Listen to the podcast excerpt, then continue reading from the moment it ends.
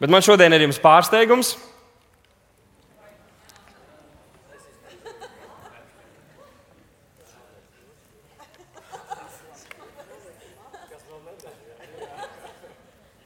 Tas nav radars, neuztraucieties, autovadītāji.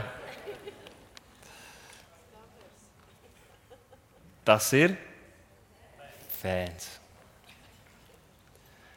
Daži no jums pasmējāties tikko, jo domājat, nu kas tas par muļķītu uzkāpis ar fēnu, kurš pat nav nekur pieslēgts.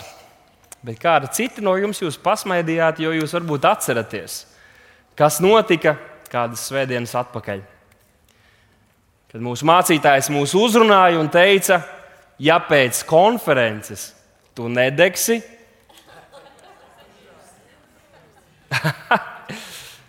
mums būs fēni gatavi priekš tevis. Nē, teica fēni tieši par fēnu. Jā, no acīm redzot, tad jūs esat pārāk mitri, ka pat atrodoties ugunskurā uz brīdi, tā uguns pat nespēja pieķerties. Šodien es gribu tev paprasīt, vai tev ir vajadzīgs fēns. Vai tu esi viens no tiem cilvēkiem, draugus viesiem vai locekļiem, kuri, kurš pēc visa šī piedzīvotā, mēs šodien padrusku atskatījāmies uz to, ko piedzīvojām, kurš saka, nu, bija interesanti, bet par uguni Nu, tas būtu skaļi teikts. Uguns manī, tu smejies? Vai tiešām tu runā par mani? Un tāpēc šodien, saskaņā ar fēnu un gara vadību, šodien es gribētu drusku, lai mēs padomājam par tēmu, vai tu dedz. Tu vari paprasīt kādam savam blakus sēdošajam, vai tu dedz un uh, saka šos vārdus ar smaidu, ar prieku, ar gaidām, ka tas cilvēks deg, ja? ka viņš ir deg par Dievu, deg par draugu, deg par savu aicinājumu. Nesaki to ar nosodījumu, vai tu dedz acīm redzot, ka tu nededz. Pirmkārt, tu to nezini, tu to neredzi. Par to mēs nevaram spriest pēc tā, kā kāds varbūt dzied vai dejo slavēšanas laikā, vai pat cik skaļi saka āmen. Ne pēc tā mēs varam spriest. Bet vai tu dedzi? Vai tu dedz šodien? Vai tu atbrauc jau degot, un viss, kas šobrīd notiek, to uguni tikai var uzjundīt lielāku? Un, ja man būtu jādod apakšvirsraksts šim laikam, šai, šai, šai svētdienai, tad tas būtu remdenības antiviela. Remdenības antiviela. Un pat ja draudzene Ja, pat ja šobrīd jūs degat, pat ja šobrīd tu esi simtprocentīgi pārliecināts, ka tu dedz par Dievu un tavā sirdī ir uguns, tavos kaulos ir uguns un tu nevari klusēt, tu gribi kalpot, tu gribi saukt, tu gribi dzīvot viņam, tad šī svētkruna tev būs noderīga pēc kāda laika, kad tā remdenība gribēs tev pielavīties. Bet, ja gadījumā šodien mūsu vidū ir kāds, kurš tu nevari teikt, ka tu šodien dedz vairāk, kā tu jebkad esi dedzis par Dievu savu kristiešu dzīves laikā, tad es aicinu tevi drusku padomāt, vai tu vispār atceries to laiku, vai tu vispār atceries, kā tas bija, kad tu patiešām degi. Jo vairumam no mums tāds laiks ir bijis. Kā bija tad, kad Tu nevarēsi sagaidīt nākamo reizi, kad tu atkal varēsi lasīt Bībeli, Dieva vārdu un uzņemt visu, ko tas dod. Kad tu nevarēsi sagaidīt laiku, kad tev beigsies darbs vai beigsies treniņš, lai dotos mājās, vai pa ceļam, vai mežā, vai pie mašīnas stūres, lai pavadītu laiku lūgšanā un būtu kopā ar tēvu, lai savienotos ar viņu, būtu viņam tuvs. Vai tu atceries, kā tas bija, kad tu biji entuziasma pilns piecelties svētdienas rītā? Tu patiesībā nevarēji pagulēt tajā naktī, jo tu gribēji būt draudzē laicīgi, tu gribēji būt tur, kur Dieva bērni sapulcējas, kur tu vari dzirdēt vārdu, kur tu vari būt kopā ar līdzīgi domājošiem, līdzīgi ticošiem, kur tu vari kalpot un iesaistīties. Vai jūs atceraties, kā tas bija? Un kad tas bija? Vai tagad jau tas viss ir tik ļoti izplūdis mūsu atmiņā, vispār došanā? Ziniet, atcerieties tos laikus, kad tu nevarēji sagaidīt, kad, ies, kad būs iespēja dot draudzē. Ka tu varēsi piedalīties tajā, ko Dievs dara, arī no tā, ko tu esi nopelnījis, jo tu zini, ka tas viss ir viņa. Un tu gribi dot no tā, ko tu esi saņēmis, jo tas ir vēl viens tavs ticības, tavs dzīves un nodošanās apliecinājums. Dievs, tas viss ir par tevi. Vai jūs atceraties? Vai jūs atceraties, kā tas bija? Mums bija tāds dievkalpojums pirms krietna laika, kad mācītājs runāja, ka, ja tu esi kristietis, tad būtu jābūt lietiskajiem pierādījumiem tavā dzīvē. Tas ir, ka, ja bez tavas mutes liecības kāds cits gribētu atrast pierādījumus un saprast, kas tu esi, tad skatoties uz tavu dzīvi, skatoties uz taviem paradumiem, skatoties uz uh, tavām reakcijām, uz tavām atbildēm, uz tavu domāšanas veidu un tā tālāk, vajadzētu būt, ka viņš var pietiekami daudz lietišķos pierādījumus atrast, lai, ja tiesā kāds gribētu tevi apsūdzēt par kristieti, lai taviem aizstāvētājiem, ja, kur teikt, ne, viņš nav kristietis, nebūtu īsti, nebūtu īsti ko teikt, jo tie pierādījumi būtu pārāk daudz. Es pieņemu, ka ir baznīcās, ir draudzes vidē kristieši, kuri dega tik ļoti jau sen, vai tik sen jau tas ir izdzisis, palicis remdens, šis uguns, šī nodošanās viņu sirdīs, ka, ja tur es tā smieklīgi iedomājos, ka, ja sūtītu kādus vēsturniekus un pētniekus, atklāt un saprast, vai tur jebkad ir bijis uguns. ka to varētu secināt tikai pēc kādiem fizikas likumiem, pēc tā, cik dziļa bedra bija izdegusi, cik daudz putekļu un kādā veidā tie sastājušies. Ka visticamāk, kaut kad pirms entajiem gadiem tur tiešām bija uguns, un varbūt tāpat bija dieva uguns. Tas, protams, te nav šeit. Tā. Tie jau neesam mēs. Tieši tādēļ Dievs mums deva uh, konferenci altārs, jo tas jau nav par mums, tas ir par tiem citiem. Es atceros stāstus par to, kā mūsu draugs sākās. Mēs tikko svinējām 33 gadus, un cik daudz jūs esat pateicīgi par 33 gadiem! Aleluja! Un vispār šodien mēs svinam arī skolotāju dienu. Man liekas, tas būtu laiks pateikties pedagogiem mūsu vidū, vai ne? Paldies pedagogiem! Bet tad man šķita, ka būtu pienācīgi arī, ka mēs pateiktos mūsu garīgiem skolotājiem. Mēs pateiktos visiem, kas draudzē kalpo, arī citiem mācot, citiem skaidrojot Dievu vārdu, mazajās grupās, kalpošanās, mūsu mācītājiem, kalpotājiem. Ja mēs varētu kā draugi parādīt savu mīlestību uz tiem, kas kalpo šajā veidā, kā skolotāji, kā mācītāji. Paldies jums!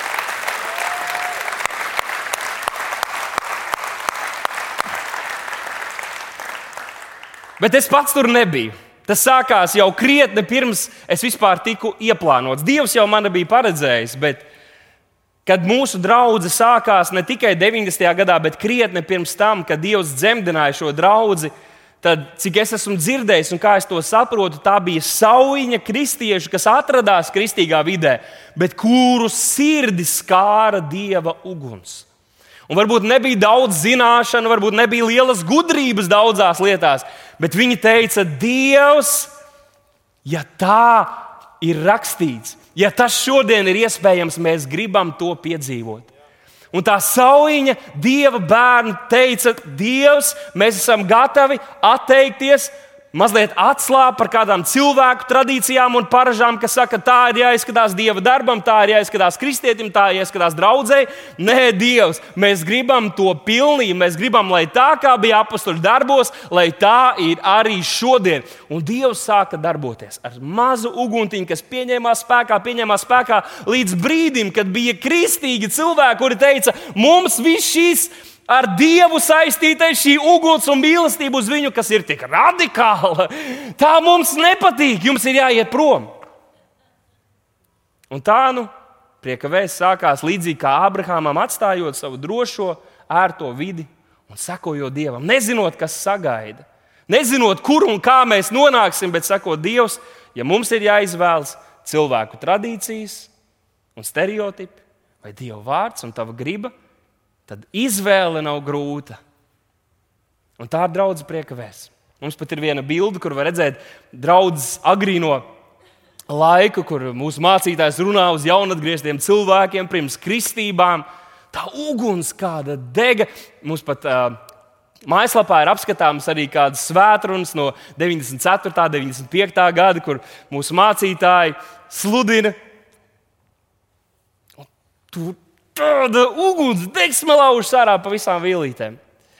Draudzē, kāda draudzene, paskatieties, kāda žur, žurnālos, gada, gada žurnālos var redzēt, cik daudz mēs darījām, kā mēs kalpojām. Un daudz no jums bijāt klātesoši. Varbūt ne no 90. gada, bet vēlāk, dažādos veidos savienojušies. Bet redziet, tas ir labi, kas ir bijis, un tas Dievam dod godu. Tomēr šodien nav tik būtiski, ka mēs vienkārši varam grimt atmiņās par to, kāda bija draudzene, prieka vēsts. Un mēs varētu katros gadu svētkos stāstīt par mūsu saknēm, stāstīt par to uguni, kāds ir bijis. Tas jautājums, uz ko mums šodien vajadzētu fokusēties, ir, vai draudzene prieka vēsts deg arī šodien? Vai tā dieva uguns deg draudzē prieka vēsts arī šodien? Nevis pirms desmit gadiem, nevis pirms pieciem gadiem. Tas viss ir bijis labi. Garā iesākuši, nepabeigsim miesā. Jautājums ir, kas ir šodien, kas notiek šodien? Es atceros savu piedzīvojumu ar Dievu 2010.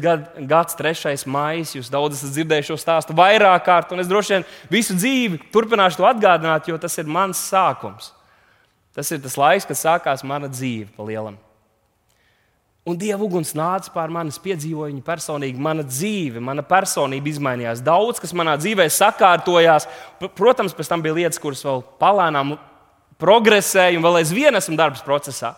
Bet toreiz tas bija Tā uguns izpaudās dažādos veidos, kas toreiz bija pieejams, lai sludinātu cilvēkiem evaņģēlī, lai izpaustu dievam godu, dot ar to, ko es pratu, tā kā es pratu, kā mēs pratām toreiz.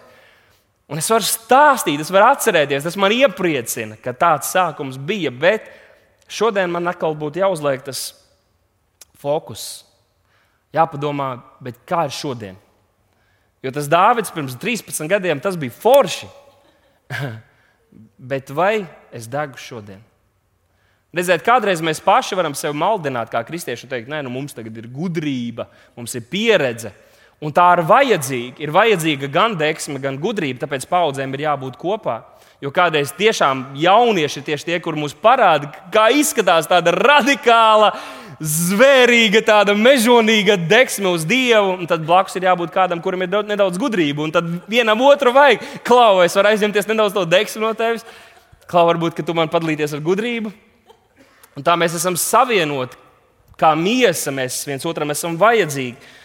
Bet šodien varbūt pat tik daudz nav jādomā mums par visu draugu vai draugu prieka vēstu. Es zinu, ka ir speciālisti, kur uzreiz jau var pateikt, tiešraidē skatoties, nē, tur tajā draudzē viss kaut kas ir slikti.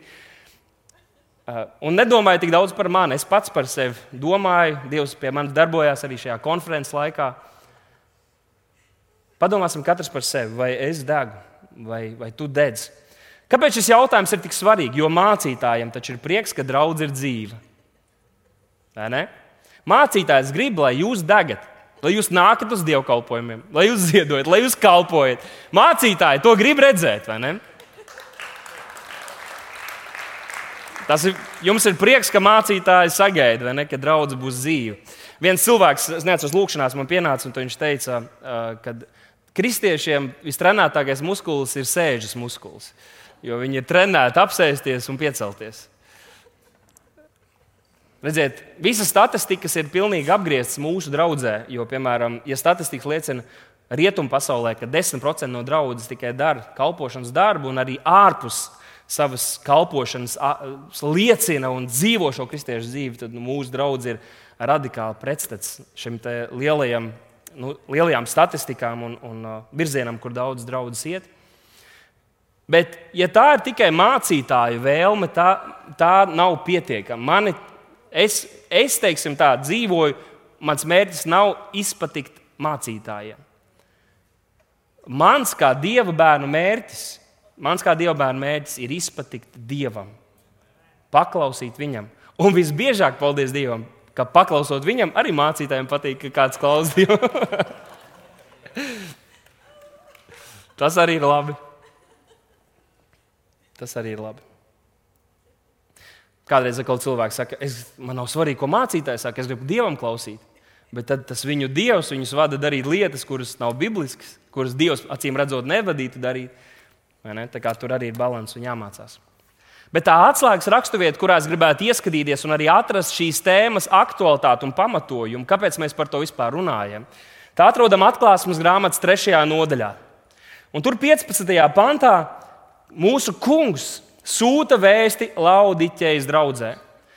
Un jūs jau zināt, atklāsmes grāmata iesākās ar septiņām vēstījumiem, septiņām draudzēm, un tas, ko es uzreiz gribētu pateikt, ka šī vēsts un šis teksts neatiec tikai uz to Laudiķejas draugu, kura vairs nav. Viņš vairs nav derīgs, jo tā draudzene vairs nav. Varbūt, ja? Un arī tas pamudinājums un tie vārdi, ko tas kungs sūtīja draudzē, neatie, neatiecās uz to laudiķēs draugu visas tās draudzes dzīves garumā, tās sezonas garumā. Tas bija aktuālais dzīvais vārds tajā konkrētajā šīs draudzes sezonā, posmā, kurā viņi atradās. Iespējams, ka vēlāk viņiem bija jāuzklausa kādu citu vēstu, kas bija, piemēram, FS draudzē sūtīta. Tas bija tajā brīdī, kur viņi atradās, un tas vārds, tā pamācība, kas viņam bija vajadzīga. Vēl viena lieta, kas mums ir jāsaprot šajās vēstulēs, ko mēs redzam, ir, ka Dievs sūta nozīmīgu strateģisku vārdu savam šīs draudzes galvai, mācītājam, kuram ir jāuzrunā draugi, un tas vārds attiecās uz visu draugu, uz katru. Katram tas bija jāuztver personīgi. Neviens nevarēja teikt, nu jā, es esmu laudīties draudzē, bet es neesmu tāds, kā viņi ir. Katram bija jādomā, ok, Dievs Kā tas attiecas uz mani? Mēs kaut kad runājām par to, ja tur būtu tajā laikā bijuši tie kristīgie turisti, kādi mūsdienās ļoti daudz. Viņi teiktu, laudiķis par tiem darbiem, jā, es tur arī pieliku roku. Bet tas, ko, tas, ko saka par tām šitām citām lietām, nē, nē, nē, es jau neesmu daļa no tās draudzes. Beidziet. es esmu citā draudzē. Es tajā svētdienā biju citā draudzē, kad viņi darīja tur tās sliktās lietas. Nu, izlasīsim, kas ir tie vārdi, ko kungs saka šai draudzēji. 15. pāns. Es zinu tavus darbus. Un tātad šeit mēs jau sākumā redzam, ka tie ir patiesi kristieši un viņiem darbi netrūkst. Tas, kā varbūt bieži mēs tā izprastu šo, šo tekstu, arī kas tālāk sekos, ir, kā, nu, tev jāsāk darīt kaut ko, bet šī draudzene jau darīja kaut ko. Šī draudzene jau darīja, šie kristieši jau darīja kaut ko. Tātad lasam tālāk. Es zinu tavus darbus, ka tu neesi ne augsts, ne karsts. Kaut jau tu būtu augsts vai karsts, tā kā tu esi rāmdens, nevis augsts vai karsts, es tevi izspļaušu no savas mutes. Kungs to saka draudzē. Kāda cita tulkojuma saka, ka, ka tur ir būtībā teikts, ka tas kungs saka, ka Es tevi pazīstu, es tevi zinu no iekšienes līdz ārienei. Tātad es zinu tavus darbus, bet es zinu arī tavus sirds nodomus, es zinu tavas domas. Un tas, ko es redzu, tikai nedaudz no tā man ir patīkams. Un kāda tulkojuma to mēsīšu tulkojumu saka, tā viņš saka, bet tad, kad es skatos uz to, man vemt gribās. Atkal palika tā drūmi. Un šis ir par laudiķis, draugs. Ziniet, ah, viņš ir vienmēr priecīgs par mani, es visu daru, viss ir baigi labi. Un šeit, vismaz šajā konkrētajā raksturvietā, ir teikts, ka tas kungs skatās uz šo draugu un saka, tikai nedaudz no tā, ko un kā jūs darat, tas man ir patīkams. Un es skatos, man slikti paliek. Man slikti paliek. Un tātad viņam ir darbi, Dar, darbi netrūkst. Dievs redz sirdi, tāpēc Bībelē ir teikts, ka mums vajag mīlēt Dievu no visas savas sirds, ar visu savu prātu, ar visu savu dvēseli, ar visu, kas mēs esam. Tam upurim, ko mēs pienesam, ir jābūt pilnīgam, ne tikai āršķirīgam. Svarīgi ir, lai mēs ne tikai darām pareizās lietas, bet mēs to darām arī pareizi. Un lai mēs darām to ar pareizu attieksmi.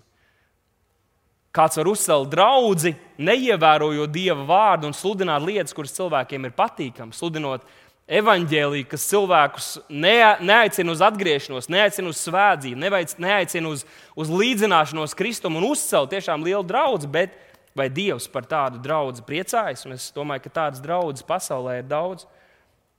Nu, padomāsim nedaudz par šo vārdu remdens. Ja? Tā tad remdenības antiviela, remdens. Kā mēs to saprotam? Kas ir, kā mēs varam zināt, ka kāds cilvēks ir kļuvis remdens, vai mēs paši sākam slīdēt un kļūt remdeni? Remdens nav ne karsts, nav augsts, tas ir tāds mazliet silts, drusciņš, drusciņš. Ir, tu mazliet vari sajust, ka tur ir mazliet kaut kad bijis silts, vai viņš ir bijis tuvu kaut kam siltam, karstam. Viņš ir mazliet silts, vienaldzīgs, neatsaucīgs, bez deksmes, bez aizrautības. Kāds no jums var būt? Dāvid, kāpēc tu runā tik visu laiku par mani? Tad mēs nerunājam par nevienu konkrētu personu, bet redziet, šis, šis vārds runā un aicina mūs katru padomāt un saprast, ko nozīmē būt remdenam. Un vai mēs neesam apdraudēti tādi kļūt, vai varbūt pat paši sevi mānot, mēs, mums šķiet, ka mēs degam, bet patiesībā esam ramdeni. Padomāsim druskuļi par to, kas apslāpē uguni. Jo mēs kaut kad aizdegāmies, bet tad šis uguns var sākt atkal apslāpēties mūsos. Un to mēs, man šķiet, labi varam apskatīt Marka evanģēlīja 4. nodaļā, kur 15. pantā un iepriekš Jēzus runā uz saviem mācekļiem, pirms tam, pirms tam viņš runā uz lielāku cilvēku pulku. Un Jēzus stāstīja par sējai, kas iet sēt sēklu. Un interesanti, ka šodien lūkšanās mēs arī skārām šo tēmu. Sējais iet, iet sēt sēklu, un viņš sēž sēklu, un tā sēkla, kura katra no tām ir identiska. Un katrā sēkla, sēklā nebija vaina. Sēklā ir tas pats potenciāls, kas atnes labā augsnē, atnes augļus, kas nonāk citā augsnē. Tur nenes nekādas augļus. Problēma nebija sēklā, problēma bija augsnē. Un Jēzus izstāsta šo līdzību, un pēc tam viņš saviem mācekļiem druskuļi paskaidro, kā tuvākajiem. Un mēs šeit arī esam sanākuši draugus prieka vēstie tuvākie. Druskuļi mēs varam padomāt, gan lai saprastu par savu dzīvi, bet arī lai mēs varētu spēt citiem kalpot un saprast citus un tos izaicinājumus, ar kuriem varbūt cilvēki saskarās. 15. pantā Jēzus skaidro šo pirmo augstni vai zemi, tātad sējais sēja vārdu, bet šie ir tie, kas ceļmalā, kur vārds top sēdz, pie kuriem ir kad tie to ir dzirdējuši, tūlīt nāks sātans, tā kā putni, ja, ceļmalā iet novāc visu, kas tur ir izbirs. Noņem viņu sirdīs sēto vārdu. Ceļmala, manuprāt, tā ir tāda pati noblietētākā virsma. Tā ir pati uh, nu, cietākā augsne, cietākā zeme, jo pa ceļmalu tur visi brien pāri, tur visi brauc, visi brauc. Katrs, kuram ir viedoklis, to visu mēs dzirdam. Tas ir cilvēks, kurš ir atvērts it kā uz visu, kuram nav nekādu robežu, nav nekādu disciplīnu, un pilnīgi viss, kas notiek, ietekmē viņu, un viņa sirds tiek nocietināta ne tikai pret pasauli un visām šīm lietām, bet arī pret Dieva vārdu. Un tad Dieva vārds tiek runāts, kas var atnest šīs pārmaiņas, kas ir kā pagals, kas var šo uguni sākotnējo turpināt, aizdedzināt, lai tas pārņemtu tavu dzīvi Bet, ja tas cilvēks un viņa sirds ir kā ceļmalā, tad sātans, un interesanti, ka tur ir rakstīts, ka pēc šī vārda sēšanas uzreiz tūdeļ nāks sātans un noņem viņa sirdīs sēto vārdu. Un tas nozīmē, ka šāds cilvēks, ka šāds cilvēks, ka tas sātans jau nav visu laiku viņa dzīvē, bet tad, kad Dievs runā uz šo cilvēku, kad viņš ir dzirdējis Dieva vārdu, ka šī sēkla tiek sēta, tad vēlns uzreiz ir nasks, lai dotos un šo vārdu nozaktu, lai, tam, lai tas nedod nekādu cerību. Un es pieņemu, ka, ja mūsu vidū ir kāds, kurš apzināti vai neapzināti ir šī ceļmalas zeme, tad tas var notikt pat dievkalpojuma laikā. Jūs zināt, kad Dievs var lietot mācītāju, lai Dieva vārds tiktu sludināts un sēkla tiktu sēta. Bet tavs prāts var kaut kur aizpeldēt. Un tu, tā ir māksla, ko vēlams noteikti ir apguvis, ir panākt, ka tava uzmanība tiek novērsta, lai tu pat nedzirdi. Tavas ausis ir šeit, bet tavas sirds nav šeit. Tajā brīdī, kad Dievs grib sūtīt vārdu, kas varētu radikāli ietekmēt tavu dzīvi, iespējams, ka tu tajā brīdī aizdomājies par savu neseno publikāciju kādā sociālajā tīklā, vai tu aizdomājies par dāvanām, kas tev Ziemassvētkos varbūt būs jāsagādā, vai ne? Vai tu iedomājies par spēli, kur tev palika uz stop pauzes un domā, vai mājās neizlaiksies elektrība un tu varēsi turpināt. Vai kā tu izies nākamo līmeni? Ir daudz un dažādi šie uzmanības novēršana, kas ir, varētu pielīdzināt, ka tu centies kaut ko aizmest tālu, bet tur priekšā ir siena. Un lai cik tas vērtīgs un svētīgs būtu, ko tu met, tā siena būs visu laiku priekšā. Pum, pum, pum, pum, pum, pum. Un būt ar cietu sirdi, tas ir tieši tā. Kaut ko Dievs grib darīt tavā dzīvē, bet tas atsitās tā kā pret sienu un nokrīt zemē, nenesot gandrīz nekādu svētību. Tas, protams, var būt arī tā, ka pēc tam, kad tu esi kaut ko dzirdējis, tu aizēji un izējot, ir, ziniet, ir kādreiz tā, tu esi dievkalpojumā, tu kā koncentrējies, tu kā gribi dzirdēt, tu izēji ārā un tu jau esi aizmirsis jebko, par ko tika runāts. Un šeit kāds teiks, nu, kāpēc tu runā par dievkalpojumu? Tas par personīgo laiku, tā, tas var būt. Tas var visādos veidos. Dievs var visādos veidos runāt uz mums. Bet Jēzus runā par sējēju, kas sēž sēklu, un draudzes vide ir noteikti viena no tām, kas visvairāk atbilstam. Jo šeit sēkla tiek sēta visdažādākajā augstnē. Un tu izēj ārā, vai teiksim, ko Dievs runāja uz tevi konferencē? Varbūt vēl tajā dienā tu atceries, vai ne? Bet tagad, konferencē, kāds bija vispār nosaukums? Altārs. Nu jā, kaut ko par altāru.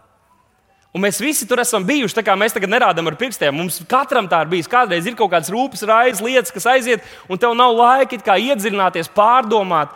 Bet tur ir savi riski. Un es saprotu, ka viena no tām lietām, kas, kas raksturo cilvēku, kurš ir šāda augstne vai zeme, ir tas, ka ka tas cilvēks nevērtē to Dieva vārdu. Vai tas ir personīgā laikā, vai tas ir kāds kalpošana, personīgi, ko saņēmis, vai tas, ko tu dzirdi draudzē, ja tu tam nepiešķir vērtību, tad tas ir tā, it kā tas nokristu vienkārši uz asfalta, un katrs, kurš iet garām, to uzreiz pamana un var nozagt jebkurā brīdī.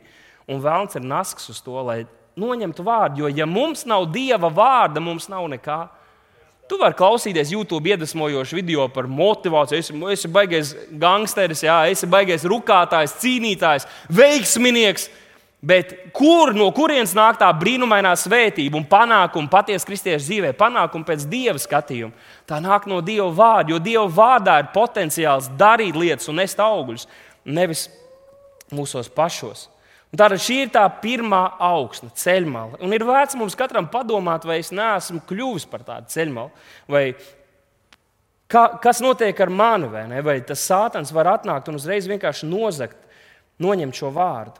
16. pantā Jēzus turpināja skaidrot, un viņš teica, un tāpat tie, kas uz akmenāja sēt, un to es saprotu, ka tur ir drusciņi zeme, ja smiltis ir, bet uzreiz zem tā ir akmenājs. Tā tad viņš skaidro, ka tie ir tie, kas vārdu dzird un tūdaļ to uzņem ar prieku. Viņiem patīk atklāt, viņiem patīk kaut kādas atziņas dzirdēt, pozitīvas lietas par viņiem pašiem. Bet tiem nav saknes sevī. Tātad viņu sirdīs ir tāda virskārtiņa, kur kaut kas patīkams notiek, bet garīgi iekšēji viņiem ir nocietināta sirds. Un tam dēļ tie tikai kādu laiku ir ticīgi. Tikai kādu laiku ir ticīgi. Un šeit atkal mēs katrs varam atcerēties mūsu dzīvē laiku, kad ar mums tā bija. Bet jautājums ir, vai, ne, vai mēs esam tajā vietā šobrīd. Un, ja esam, mums kaut ko vajadzētu darīt lietas labā. Šie cilvēki, kuriem nav saknes, es to saprotu, ka tas ir, kad, kad tev nav dziļāka ieskata lietās ka tev nav dziļākas izpratnes par lietām, jo tu vari dzirdēt vārdu, un tas atsauc tevī.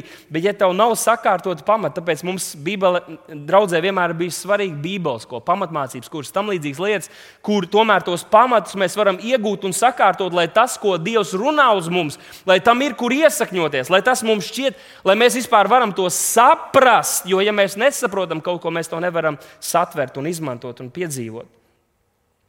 Interesanti, ka šajā raksturvietā mēs redzam, ka bēdas un vajāšanas nāk vārda dēļ. Bēdas un vai... ir kādi, kas sāk nākt uz draugu, lai izvairītos no bēdām un vajāšanām. Un no daudzām Dievs arī mūs paglāb. Bet ir bēdas un vajāšanas, vismaz pēc jēzus mācītā, kuras nāk vārda dēļ. Kas notiek ar tiem cilvēkiem, kuri it kā grib sekot Kristum, bet tikai lai viņiem būtu vieglāk dzīve, vai lai saņemtu kaut ko, kas viņiem ir vajadzīgs, bet nekādas citas uh, šīs attiecības, ja, saistības viņi nevēlas. To mēs esam piedzīvojuši. Iespējams, ka pat notiek tas, par ko viņi ir ticējuši. Dievs parāda savu godību un varenību, Bet, kad uznāk grūti laiki, kaut kādas bēdas, viņu ticība bija tikai uz mirkli, tikai uz laiku. Jo šīs bēdas un grūtības jā, nāk un iznīcina šo ticību, bēdas, uziet vārdu dēļ, un tie tūlīt apgrēkojas. Šis vārds apgrēkojas var tikt tulkots kā pakrist, bet tāpat tā ir arī, ka mēs pārstājam uzticēties. Ir viegli uzticēties labos, vieglos laikos, bet tad, kad ir izaicinoši, tad, kad tiešām ir jālieto ticība, tā kā Ābrahāms, vai ne, kad ir grūti laiki, kad nenotiek uzreiz tas, par ko tu tici un ko Dievs ir solījis, lūk, tad parādās ticība ilgtermiņā. Tad parādās Dievs, es uzticos tev, es nesaprotu, kā tas piepildīsies un kāpēc tas jau nav piepildījies, bet es uzticos tev. Es uzticos tev, un lūk, te parādās saknes. Vēji var pūst, viss kaut kas notiek, bet ja taviem, tavām attiecībām ar Dievu un tiem apsolījumiem, ko Dievs tev ir devis, ja tie ir iesakņojušies, tad tu paliksi uzticams Dievam arī ilgtermiņā. Tu paliksi Dievam uzticams ilgtermiņā. Un te mēs varam runāt par uguni, kas turpina degt. Par uguni, kas turpina degt kā vieglos, tā grūtos laikos. Un vispār no otras puses jāsaka, ka biežāk cilvēki tieši labos laikos izdziest. Kādreiz grūtos laikos Dievs tos lieto, un mēs paši saprotam, ka mums nav veids, kā mēs varam tikt galā ar notiekošo. Un mēs vēršamies pie vienīgā, kurš ir glābējs. Bet kādreiz, kad ir labi laiki, kad ir tiešām labi, tad sākas pagrimums.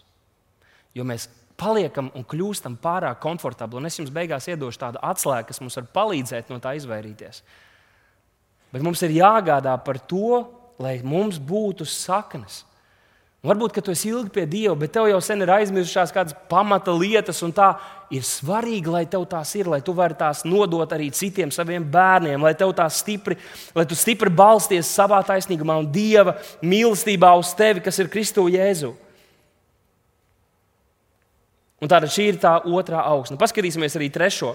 Tas ir 18. pantā, Jēzus turpina, un kas starp ērkšķiem sēta, ir tie, kas vārdu dzird. Viņi dzird šo vārdu, un šīs pasaules rūpes, un bagātības viltība un citas kārības iemetas noslāpē vārdu, un tas kļūst neauglīgs. Un vismaz es saprotu, ka šī ir tāda lielākā grupa, iespējams, ka tā ir pat lielākā ietekme tādam vidējam kristietim. Tieši šis ir lielākais apdraudējums.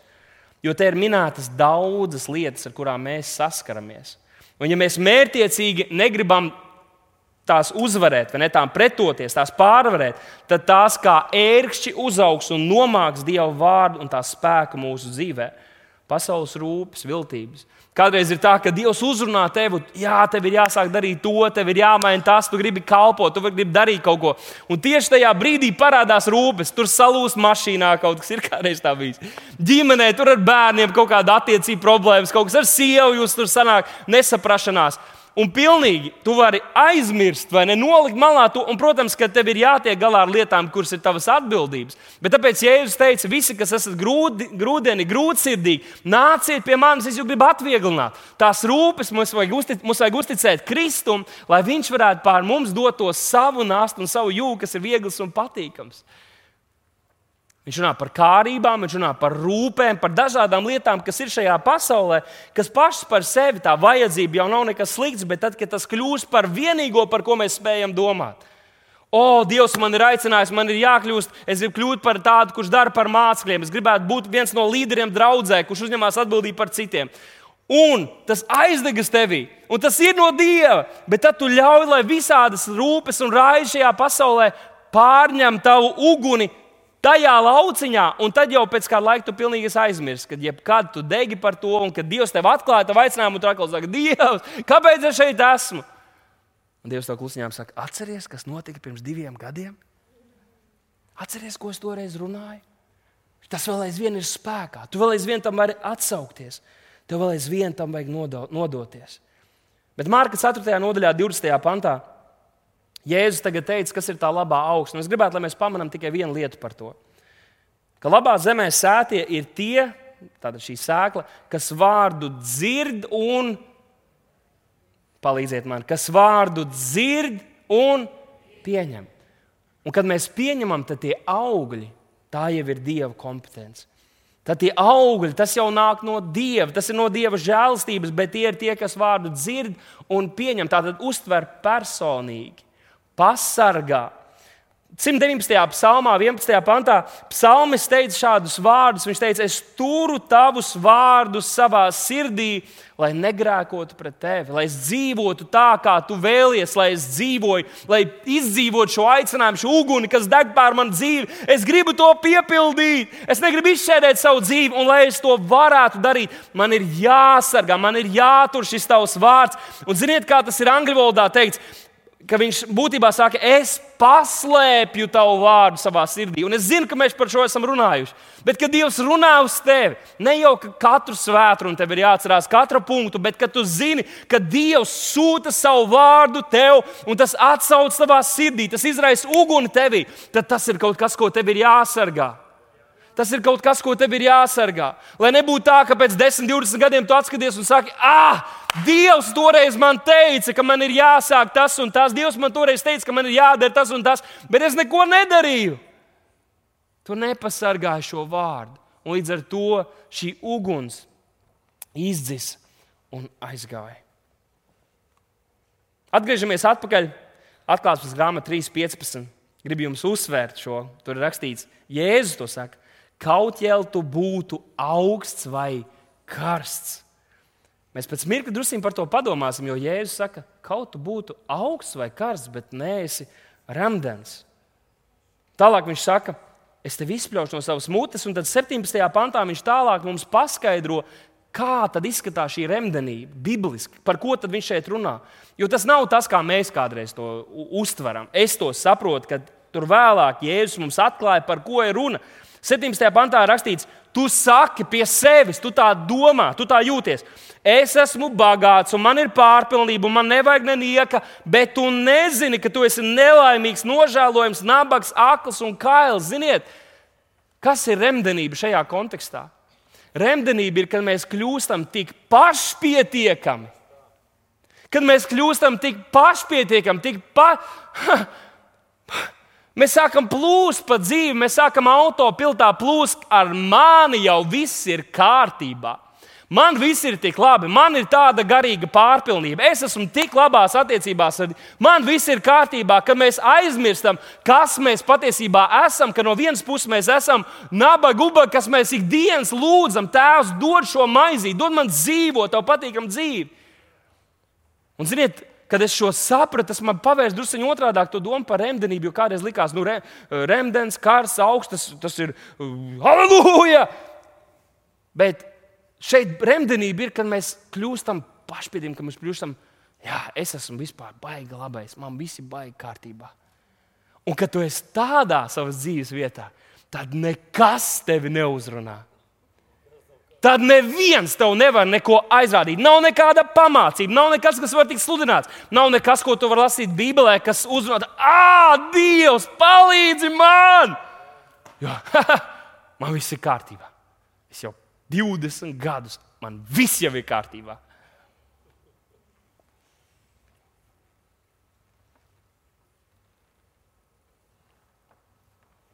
Ramdens ka tu jau esi tik veiksmīgs un šķietam pašpietiekams, ka tev pilnībā ir pārtrūkušas attiecības ar tavu kungu. Tu varbūt viņam kalpo un dari vēl tos darbus, bet tur nav nekādu attiecību un nav nekāda kontakta.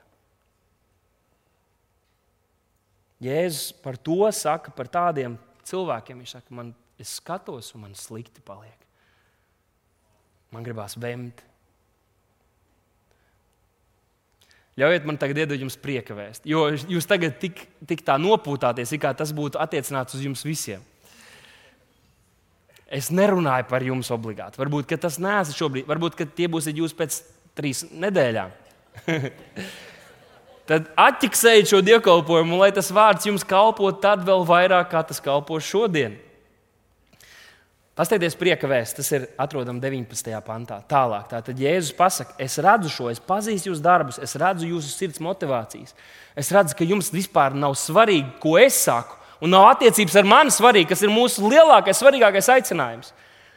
Un viņš saka, es skatos, un es redzu to visu, man vemt gribās. Bet paskatieties, kāda mīlestība tālāk parādās. 19. pāns. Jo ko es mīlu, tos es pārmācu un pamācu. Iedomājieties! Viņš saka, es skatos uz to, un tev liekas, ka tu baigi labi tiec galā, un tev pat es neesmu vairs vajadzīgs. Man vemt gribās, bet es tevi tik ļoti mīlu, ka es nāku un sūtu savu vārdu. Es gribu tevi pamācīt un pārmācīt. Un kāda ir tā atbilde cilvēkam, kurš ir šādā stāvoklī?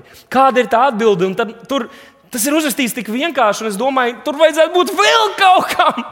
Bet tas ir uzrakstīts tik vienkārši. Tur ir rakstīts, tad nu, iekarsies un atgriezies.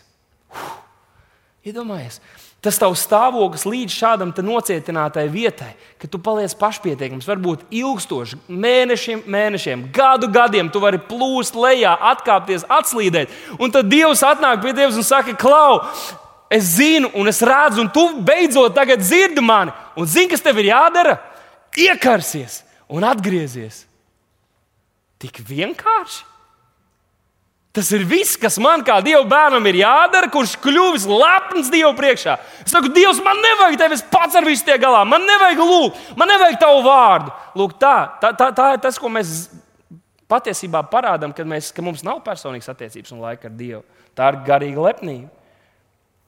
Divi soļi, iekarsies un atgriezies. Ļoti īsi, iekarsies. Tas ir šis grieķu valodas vārds zelo, zelo, no kā ir izcēlies vārds zeloti. Un es apskatījos, viens no tulkojumiem šiem, tulkojumiem šim vārdam zeloti ir visai cītīgi ticības piekopēji un izplatītāji. Man patīk, ka tas tāds latviešu, latviešiem tā pieņemam, tā visai cītīgs. Radikāls, nu, tas ir bijis tā biedējošs, zelots, visai cītīgs, visai. Es esmu papaskatām savu blakus sēdošiem. Vai tu esi visai cītīgs, ticības, ticības piekopējs un izplatītājs?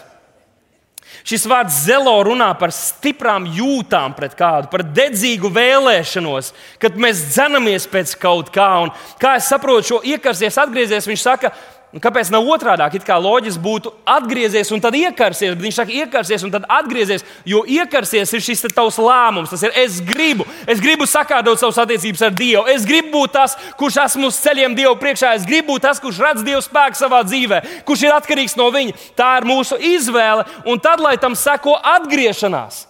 Tātad sākumā ir mūsu lēmums, mūsu izvēle, mūsu vēlēšanās. Es gribu būt degošais, un tam jāsako Tas noved pie mūsu darbiem, pie mūsu izvēlēm. Runā tā, kā, eh, tā, tā kā tu vēlies būt, domā tā, kā tu vēlies būt. Tas līdzīgi kā laulībā. Ja tu šobrīd nevari savā sirdī, tu nemīli savu sievu, sāc viņai teikt, cik ļoti viņa mīl, sāc domāt, pa, patērē laiku, vienkārši saka, o, oh, kā es mīlu savu sievu, sāc atcerēties visu, kas tev patīk par viņu, skaties uz viņas bildēm, skaties, o, oh, kā man patīk viņas acis, kā man patīk viņas mati, kā man patīk viņas humora izjūta, kur brīžiem gan iz nevar just, bet man patīk tā humora izjūta. Sāc domāt par to, sāc runāt par to, sāc citiem stāstīt. Ziniet, kā es mīlu savu sievu. Es vienkārši es nevaru te darbā nosēdēt, man gribās braukt, satikt savu sievu. Tas tāds laulāto seminārs tagad sākās. Ja tu esi izvēlējies un saproti, ej, es gribu būt tas degošais, sāc domāt par to, sāc lūgt to, sāc runāt to, saka, Dievs, es mīlu tevi!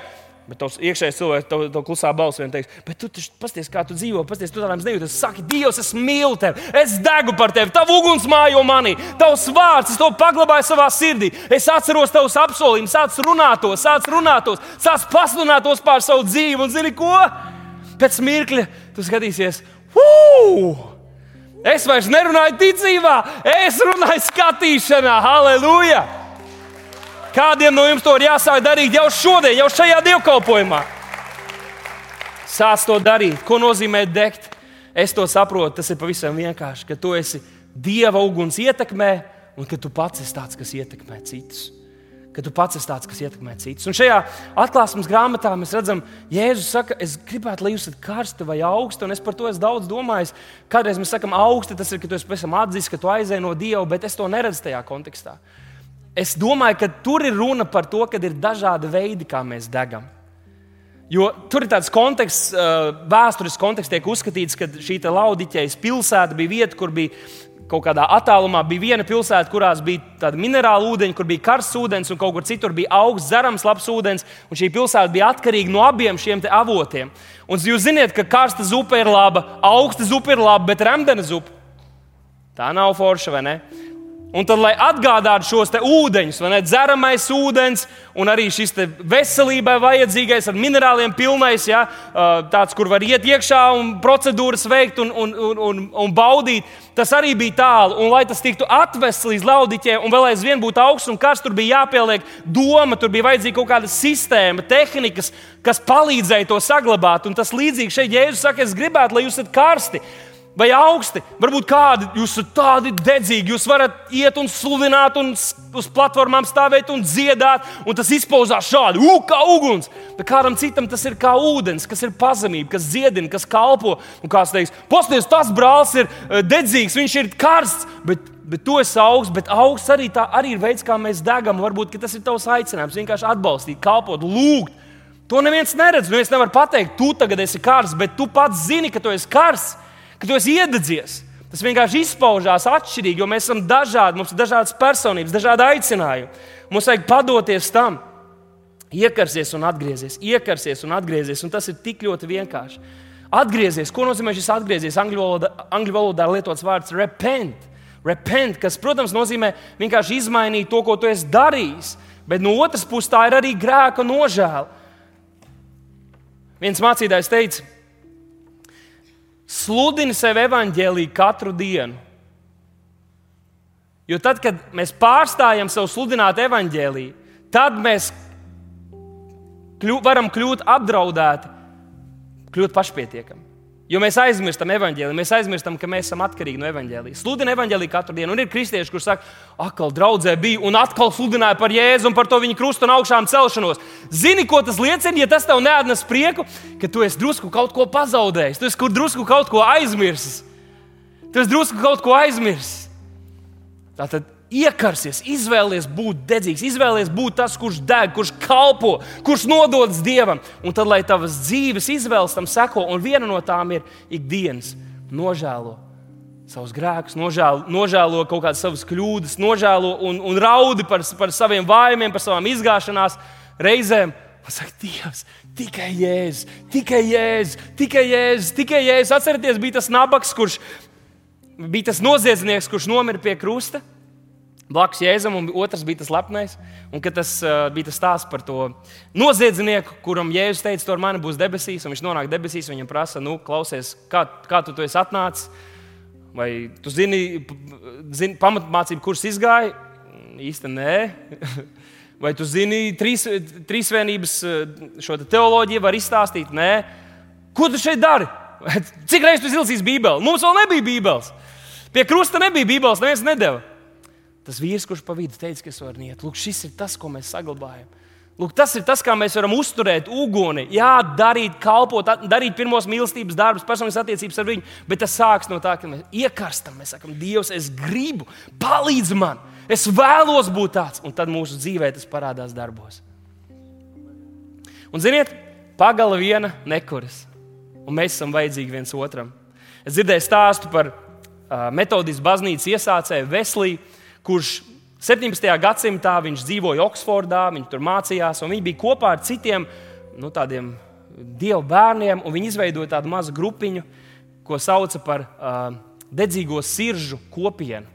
Un viņi nāca regulāri kopā, jo viņi gribēja kalpot tam kungam, lai gan arī ieguva izglītību tajā laikā. Viņi nāca kopā un viņi lūdza, un kāda cita par viņiem ņirgājoties, jo viņi uztvēra nopietnu šo aicinājumu. Viņi gribēja būt patiesi Kristus mācekļi, kas tajā laikā draudz jau bija aizgājuši tik ļoti tālu.